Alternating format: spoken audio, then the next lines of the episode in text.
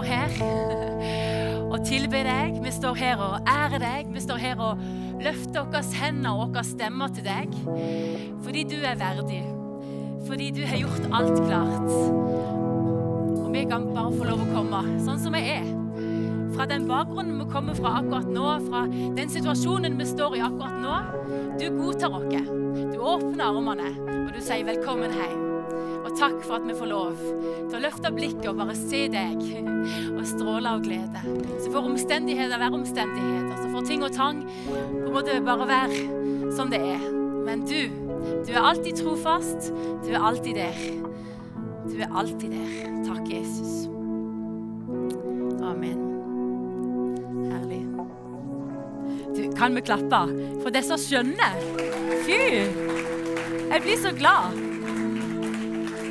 Dere er så fine. Jeg blir så, glad. jeg blir så glad. Jeg blir så stolt. Det blir så wow. Fantastisk gøy. Fantastisk gøy. Yes. Eh, da skal vi se. Da var det bare sånn ei helg hos meg at eh, Jonny han er i Belgia. Og jeg var hjemme med kidsa helt alene. Og det bør jo gå greit. Jeg mener ja. Eh, og så bare kommer alt på en gang. ikke sant? Bare at eh, ja, Du har bare døgnvakt kontinuerlig. sant? Du er bare på.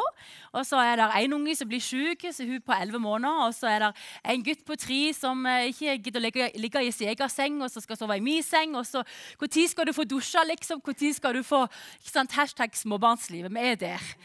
Og så, ikke sant, eh, rett før um, i dag morges, da, eller ja, i natt for de fleste av dere, når vi sto opp, så, så var jeg bare illsinte. Og jeg visste at eh, jeg hadde fått litt kort tid å, å, forberede meg på, for jeg bare er litt vikar akkurat i dag. Men jeg visste at um, jeg skulle preke, og jeg tenkte ja, ja, liksom, for å være litt sånn være litt salig og litt klar. ikke sant? Og så bare, så bare klikker hele mitt uh, system. sant? Jeg bare liner opp alle klærne, gjort alt, alt jeg kan for at det skal bare gå helt på skinner. Tror du du gjør det? Nei.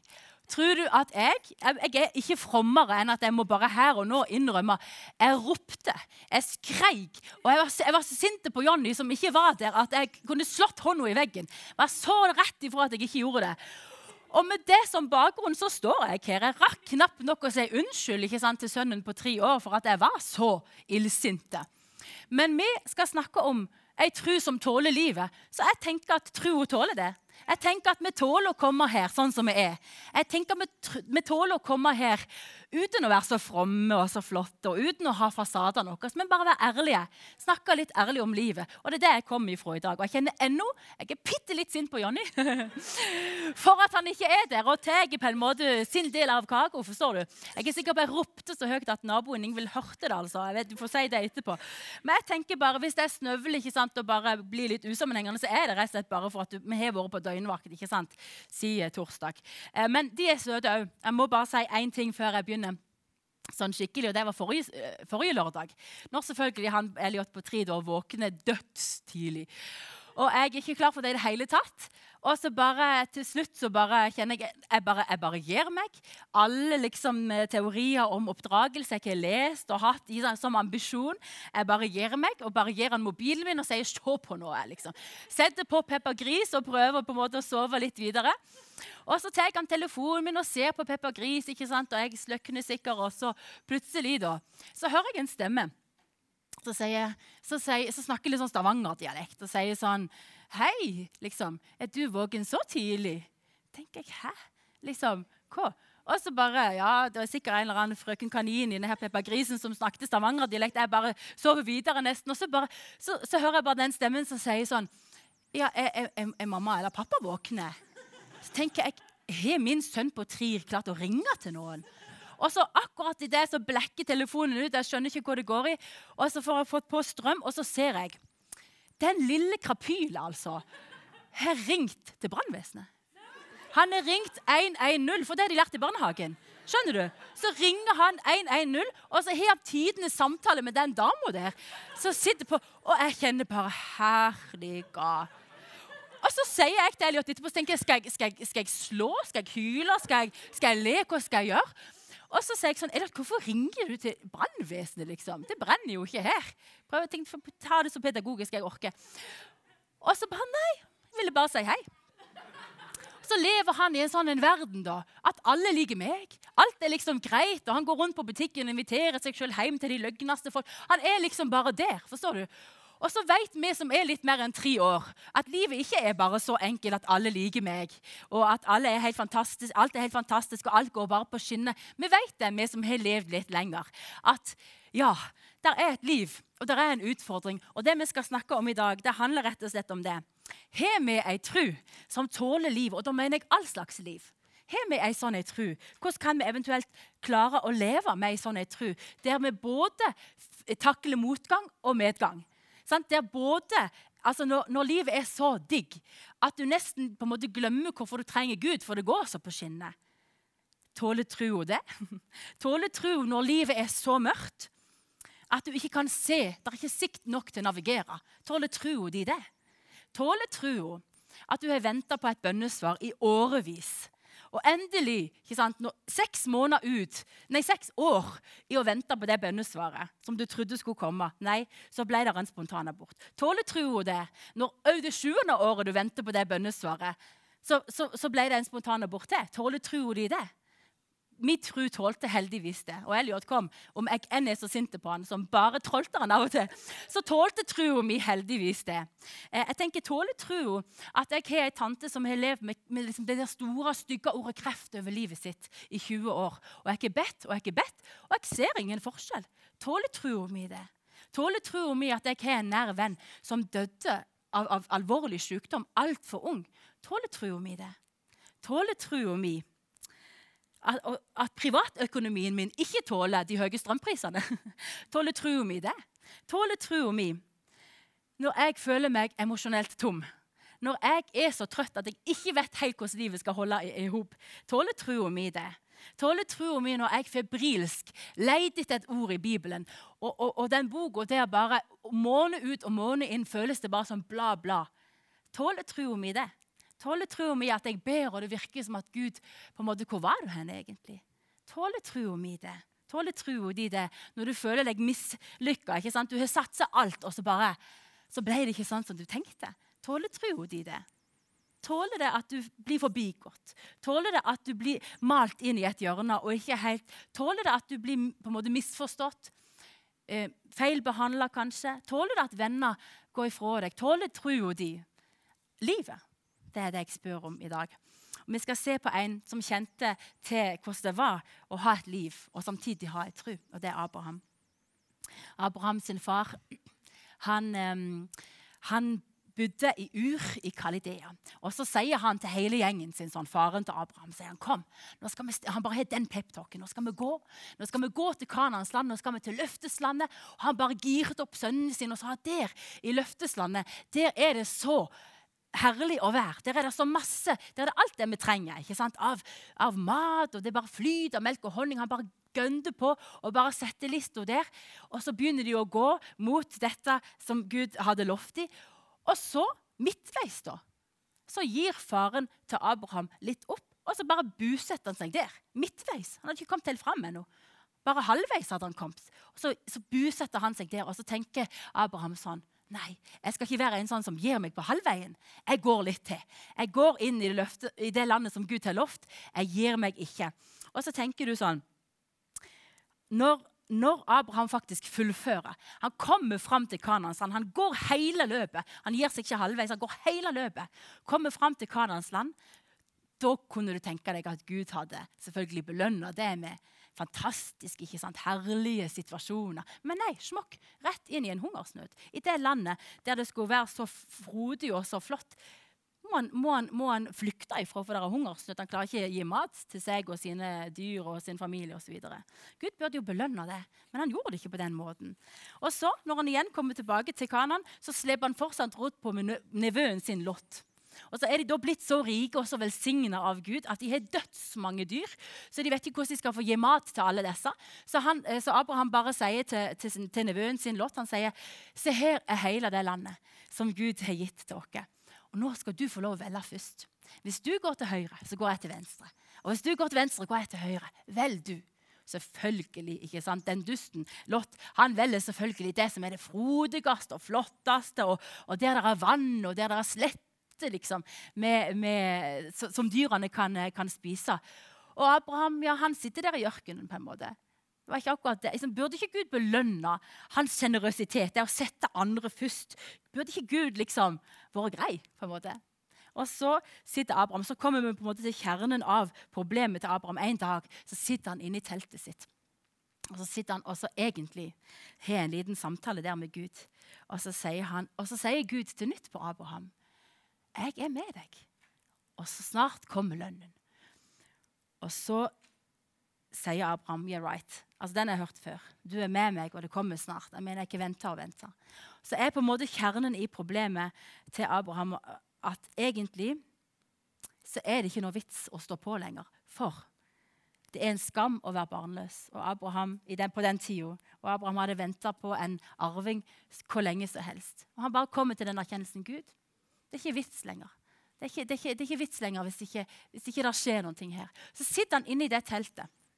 Så ser han bare veggen og taket på det teltet. Og så tenker han her er det ingen løsning. Her er det ingenting som kan hjelpe. Her er det ingenting. Og Han har bare en sånn ærlig erkjennelse ikke sant? at en fjern slektning kommer til å arve meg. Er det vits, da? Er det egentlig vits?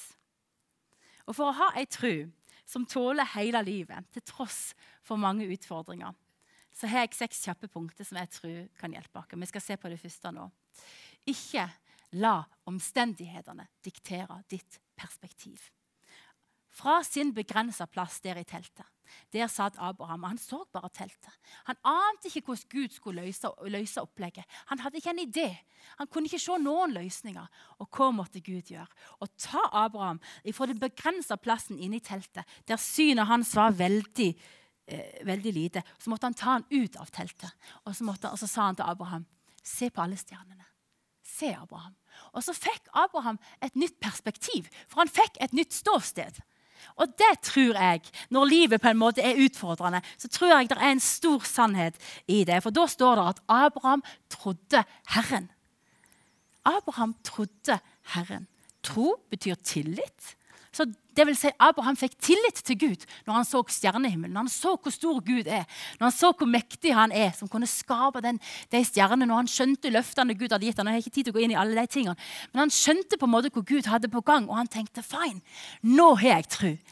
Abraham trodde Herren, for han fikk et nytt perspektiv. Og ditt ståsted avgjør hva du kan se. Jeg ser ikke det Gud ser, for jeg sitter ikke der Gud sitter.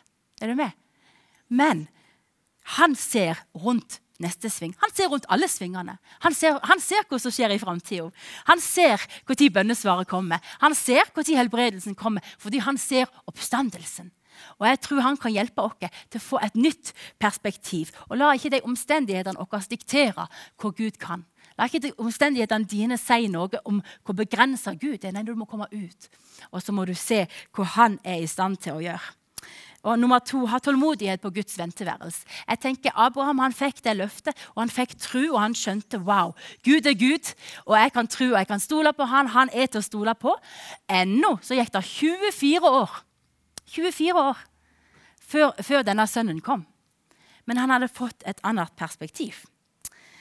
Jeg famler i blinde, jeg vet ikke alltid hvordan jeg vet ikke alltid hvordan jeg skal komme gjennom dette.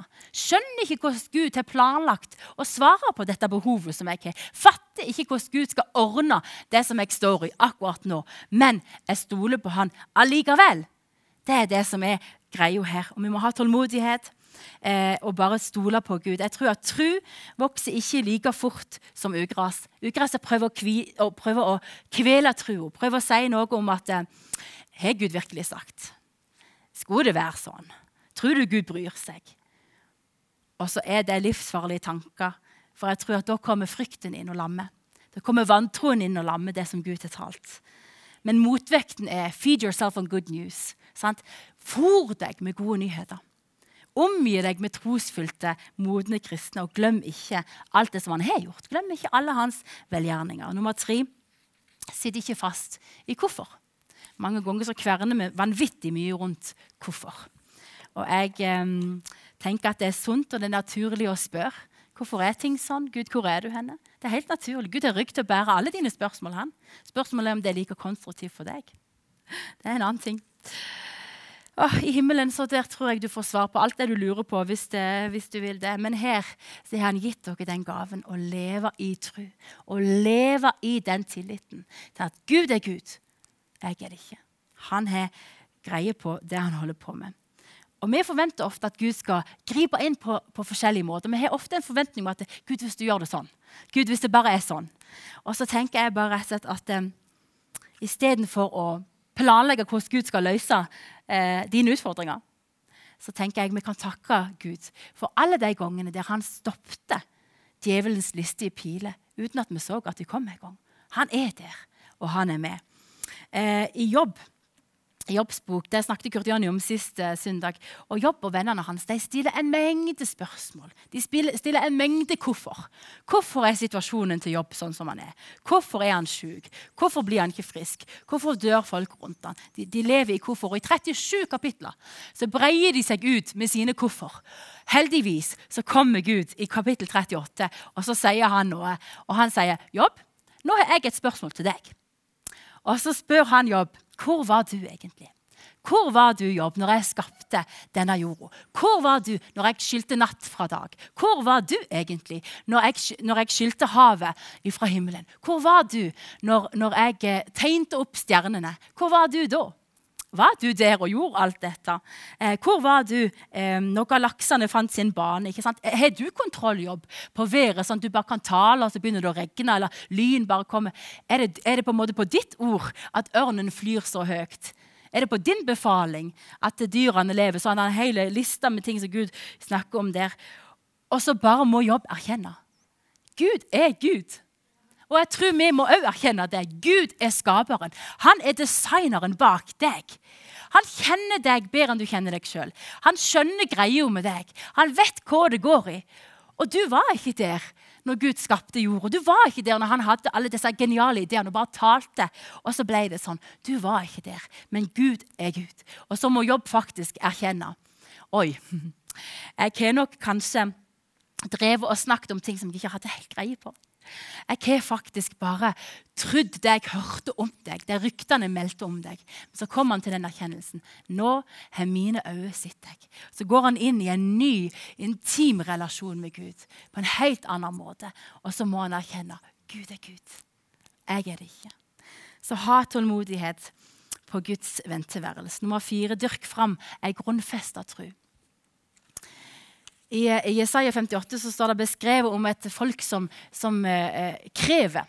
De krever å få vite, de krever å få innsikt, de krever å bli hørt, de krever å bli belønna, de krever å få bønnesvar, de krever at Gud kommer nær, de krever rettferdighet. Men egentlig så lever de langt vekk ifra Gud. De forventer Gud skal gripe inn, men de lever egentlig langt vekk ifra han. Og jeg tenker at jeg ser noen sammenligninger til sånn overfladisk, lettvekta kristendom, der vi tenker hvis Gud ikke svarer på denne bønnen innen fredag, så gidder jeg ikke mer. Jeg har ikke sjøl sagt, altså.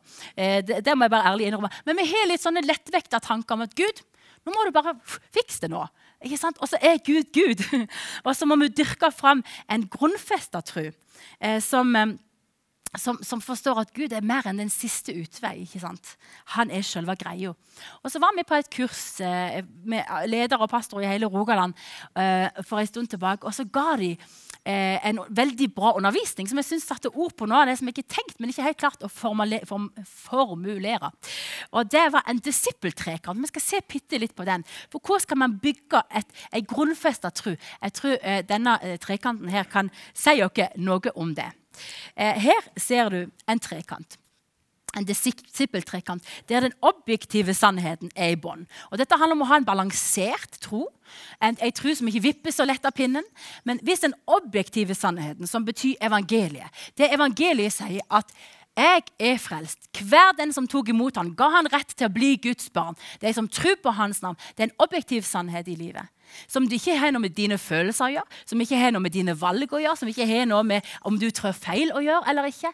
Den, den objektive sannheten er du er Guds barn hvis du tror på hans navn. Og Det må være i bånd. Og det må vi fòre oss med. Denne sannheten som funker uansett følelser, som funker uansett omstendigheter. Den objektive sannheten. Den neste eh, linja i den trekanten det er den subjektive sannheten, den subjektive erfaringen. At vi må ha, vi må ha eh, eh, vi, må, vi må møte Gud. Det er jo ikke bare teori, dette. Det er jo ikke bare en idé som noen har. Det er jo ikke bare filosofiske tanker. dette. Vi må ha møteplasser med Gud, der vi skjønner at det, det, det er sant. Den objektive sannheten er sant òg i mitt liv. Jeg får møteplass med Gud. Men vi må ikke være så fokuserte på alle følelser og alle, eh, alle erfaringer som vi ønsker å gjøre oss, at de gangene der, der, livet oppleves som en ørken, og Gud plutselig ikke svarer, ja, da tipper vi helt over, og så er det ikke balanse i livet. Men vi må ha den objektive sannheten i bånd, at jeg er Guds barn uansett. Og så må vi ha den subjektive sannheten om at jeg kan erfare, gjøre meg erfaringer med en levende Gud. Og så må vi ha det som de kalte da for kristne praksiser. At vi kommer sammen og leser Bibelen, vi, kom, vi, vi ber, vi har nattverd og alle de her tingene. Nettopp for å befeste at, eh, eh, at Hvordan var det jeg hadde skrevet her? For, å forme oss til å bli mer lik Jesus. Han har sitt permanente hjem i meg alltid. Men de kristne praksisene med at vi kommer sammen, med at vi ber, med at vi feirer nattverd, med at lala, det hjelper meg til å bli han. Ikke sant? Og at Det var en sånn god balanse i den undervisningen som, som vi fikk på det kurset. Jeg tenkte wow, her er det noen ting. Her er det noen ting for å ha et balansert og modent liv som disippel og dyrker fram ei grunnfesta tru som ikke vippes av pinnen om det er litt ørken, som ikke vippes av pinnen om det er litt vanskelige utfordringer, men som holder hele livet. Og nummer fem har det evige livet i sikte. Jeg tror at hemmeligheten til utholdenhet er å huske at smerte er midlertidig, men lønna er evig. Livet var ikke rettferdig mot Jesus, han som var perfekt i alle ting. Han som elsker uten å bli elska tilbake. Han forstår ditt utsagn om at 'jeg hadde jo fortjent bedre'. Han forstår det. Han hadde fortjent bedre. Skal man diskutere det ondes problem, skal man diskutere smerte og lidelse, hvordan kan Gud tillate det og det? Ja, Da må vi snakke om at det verste som kunne skje, skjedde med Jesus. Når all smerte for alle sykdommer ble lagt på han som ikke hadde gjort ei flue fortred. Når all synd, for syndens lønn er døden, når all synd ble lagt på han som ikke hadde gjort en eneste synd, hvor urettferdig var ikke det? Når alle feiltrinn ble lagt på han helt ufortjent, da forstår han hva du mener når du sier dette hadde ikke jeg fortjent. Men det var så mørkt, og det var så skittent og det var så ekkelt når, når, smerte og skam og synd og sykdom ble lagt på Jesus. Det var, så, det var så mørkt at til og med Gud forlot han. Til og med Gud forlot han. Og Jesus kunne i et nå bare knipsa og gått ned fra korset. Men han valgte, han valgte å bli værende. Han valgte, han, han, he volunteered. Han gjorde det frivillig, for han så deg. Og han, han gjorde det for at det skulle være en evighet i vente for deg. Hebreerne 12,2 sier at han så deg. Og han gleder seg så mye for at du skulle bli hans, at han tålmodig lei korset. Og Da kommer det et sitat fra Craig Rochelle. Det kommer på engelsk. Men oversatt så betyr det sånn at Guds fremste mål er ikke vår umiddelbare lykke, men heller din evige glede. Tror jeg vi må snakke sant om når vi skal snakke sant om livet. Når vi skal snakke sant om troen vår, så tror jeg at Gud hjelper. Jeg tror Gud er med. I, i, i vonde og i gode dager så er Gud der alltid. Han er bare en bønn under oss. Men vi må ha det perspektivet med. At han har noe langt viktigere føre enn at du skal umiddelbart her og nå kjenne på lykke. Han har din, din evighet i sikte. Og Det tror jeg kan hjelpe oss til å ha ei tro som holder hele livet. Vi må stole på han selv om vi ikke føler han. Vi må tro på han òg når ting er uforståelig. Og vi må følge han òg når vi ikke er helt sikre på hvor han leder hen. Og når hjertet er knust, så blir de, liksom, de teologiske frasene helt ubetydelige på mange vis. Og alle prinsipper som du gjerne en gang hadde. Akkurat som jeg hadde mange prinsipper for barneoppdragene som jeg bare kasta over båten når jeg er utslitt. ikke sant? Sånn er det når man står midt i noe mørkt og vanskelig og utfordrende. Så tåler troa det allikevel. Og så må man ta noen skritt rett og slett bare i blind tro. Og da står det virkelig viktig å håpet igjen. Håp om evigheten. håp om ham. Og så det siste punktet å ha blikket festa på Jesus. Der tror jeg det er en kjempesannhet. Hebreerne 12,2, som vi var inne på i stad, sier at når du springer og når du kjemper, så fikser blikket på Han som er troens opphavsmann og fullender. Jeg tenker I lyset av hans ansikt så falmer alle mine spørsmål. Hvis jeg kjenner han, ikke bare kjenner til han, ikke bare har en teori om han, ikke bare av og til kommer på møter for å høre litt om han, men hvis jeg kjenner han intimt, hvis jeg kjenner han personlig, hvis jeg kjenner hans hensikter, hvis jeg kjenner hans karakter, da faller vi egentlig mine spørsmål litt i, i, i lyset av hvem han er. Fordi han er fred. Han er fred. Midt i ufred. Han er glede. Han er håp. Han er tru. Han er trøst. Han er veien. Han er sjølve livet. Ei tru som tåler dette livet, som rommer så mye og så mangt, handler aller mest om å kjenne Han intimt. Handler aller mest om å kjenne Han personlig. Det må jeg bare få avslutte med. Jeg tror At å vokse i tro, det er å vandre i tro. Uten å mange ganger se. Av og til så er det grønne enger. Av og til er det hvilens vann. Av og til er det fest og basar, og livet er nice. altså. Og av og til er det mørkt så mørkt at jeg ikke klarer å navigere. Av og til er ting tungt. Av og til er det utfordrende ting, og du tenker når? Når, Gud? Når skal du ordne opp i disse her tingene? Men så tror jeg at noen ganger når vi går gjennom de tørre, vanskelige, utfordrende tingene, så lærer vi å stole på Gud uten å ha ei krykke. Uten å ha liksom en rollator og holde fast i noe et eller annet. Vi lærer å stole på Gud alene. Og der testes troen og gjør, gjøres stabil og gjøres utholdende. Og det tror jeg er ei tro som tåler all slags liv. All slags liv. Uansett hvordan livet er. Og det var egentlig det som jeg hadde å dele her og nå. Nå skal ikke jeg ta Arnstein sine papirer, men kanskje Thomas kan komme opp litt. Grann. Så skal vi bare ha litt eh, tid sammen. Hvor er det Så skal vi ha litt tid sammen der eh... oh, Du hadde mange papirer, Arnstein. Skal vi se. Jeg roter det helt til for deg her. Unnskyld. Jeg tenker med Jeg tenker at det er prosesser i livet. Tenk sånn som Abraham. Det er ting som du går og venter på. Det er ting som du ikke skjønner. Det er ting som du har bedt om, og du undres på når. Og så tar det kanskje en stund, men så kan vi bare allikevel erkjenne at midt i prosessen, midt i ventetida, så stoler jeg på Gud. Frykt skal ikke få lov å ha ei klam hånd rundt livet mitt. Vantro skal ikke få lov å trykke meg ned. Guds løfter. Jesus er Guds løfter for sitt ja og sitt amen. Vi kan lære oss å leve på en sånn måte at troa tåler alle utfordringer. Enten du har det supert eller du har det vanskelig, så kan vi få leve i en tillit. For tro betyr nettopp det tillit.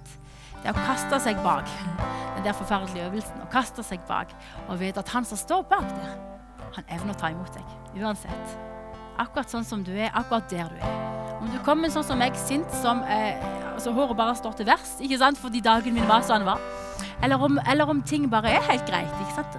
Om ting, om ting er men det verste som fins, er bare å ha en likegyldighet. på en måte. Ikke ha en likegyldighet. Jeg tror vi må våkne, og så tror jeg vi må se. Han er den. Han sier han er. Og han kan gjøre det han sier at han kan gjøre. Han er det for deg i dag. Uansett hvor du er. Skal vi be sammen? Kjære Jesus. Jeg takker deg. Jeg takker deg for, eh, for, at du er du, og at du er god. Det er ikke alltid jeg vet så veldig mange andre ting. Og det er ikke alltid at mine teologiske forklaringer forklarer meg alt om livet. Men du er Gud, du er god. Og vi ønsker bare å lære deg bedre å kjenne. På en intim og inderlig måte forstå at du er Gud, og du er god. Jeg sitter ikke der du sitter, Gud. Jeg kan ikke se hva du holder på med. Jeg kan ikke se hva du har på gang. Men jeg velger å slippe meg i dine hender. Jeg velger å tro, og jeg velger å stole på at du er den du sier du er, og du kan gjøre det du sier du kan gjøre. Det er min bekjennelse, og det er min erkjennelse. Takk, Herre. Takk, Jesus. Så tenker jeg at vi, vi er her sammen, mange som, eh, som tror. Men allikevel midt iblant dere kan det være utfordrende ting. Det kan være ting som du kjenner dette er, dette er så vanskelig, jeg, jeg, klarer ikke å bære det sjøl. Da er det poenget at vi kommer sammen som trossøsken.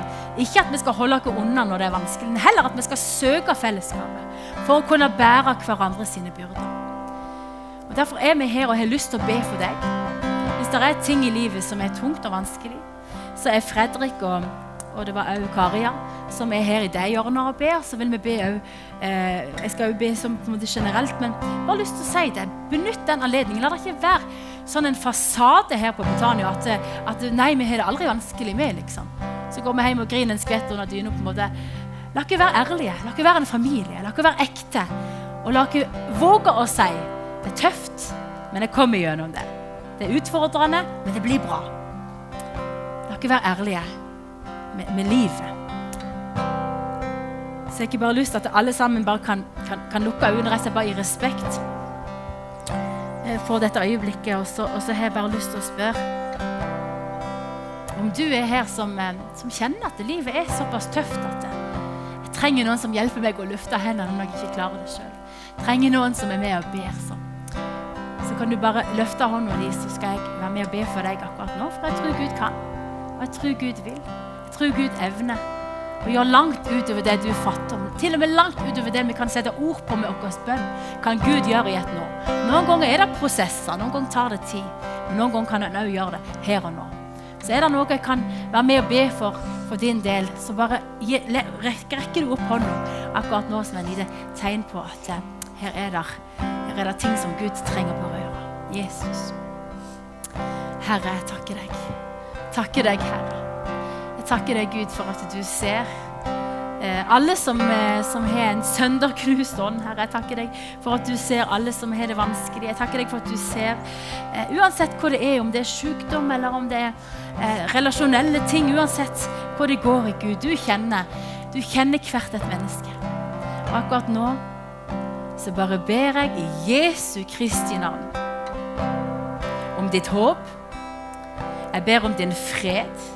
Jeg ber om din glede, en glede som overgår all fornuft og all forstand. Skal fylle disse menneskene som er gitt, som er gitt et tegn til at de, de trenger hjelp. Kom og fyll dem med din ånd, kom og fyll dem med din kraft. Kom og løft dem opp. Jesus, du kan og du vil,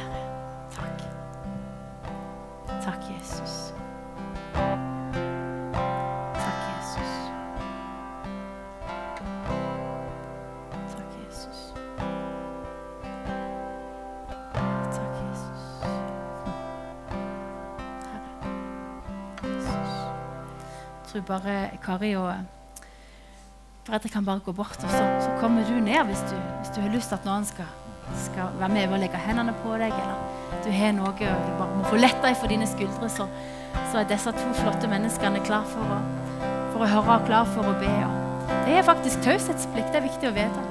Det som du sier til deg, det blir hos deg. Jeg tror det er viktig å benytte seg av anledningen hvis du trenger den. Og så eh, synger vi litt. Så tar Arnstein eh,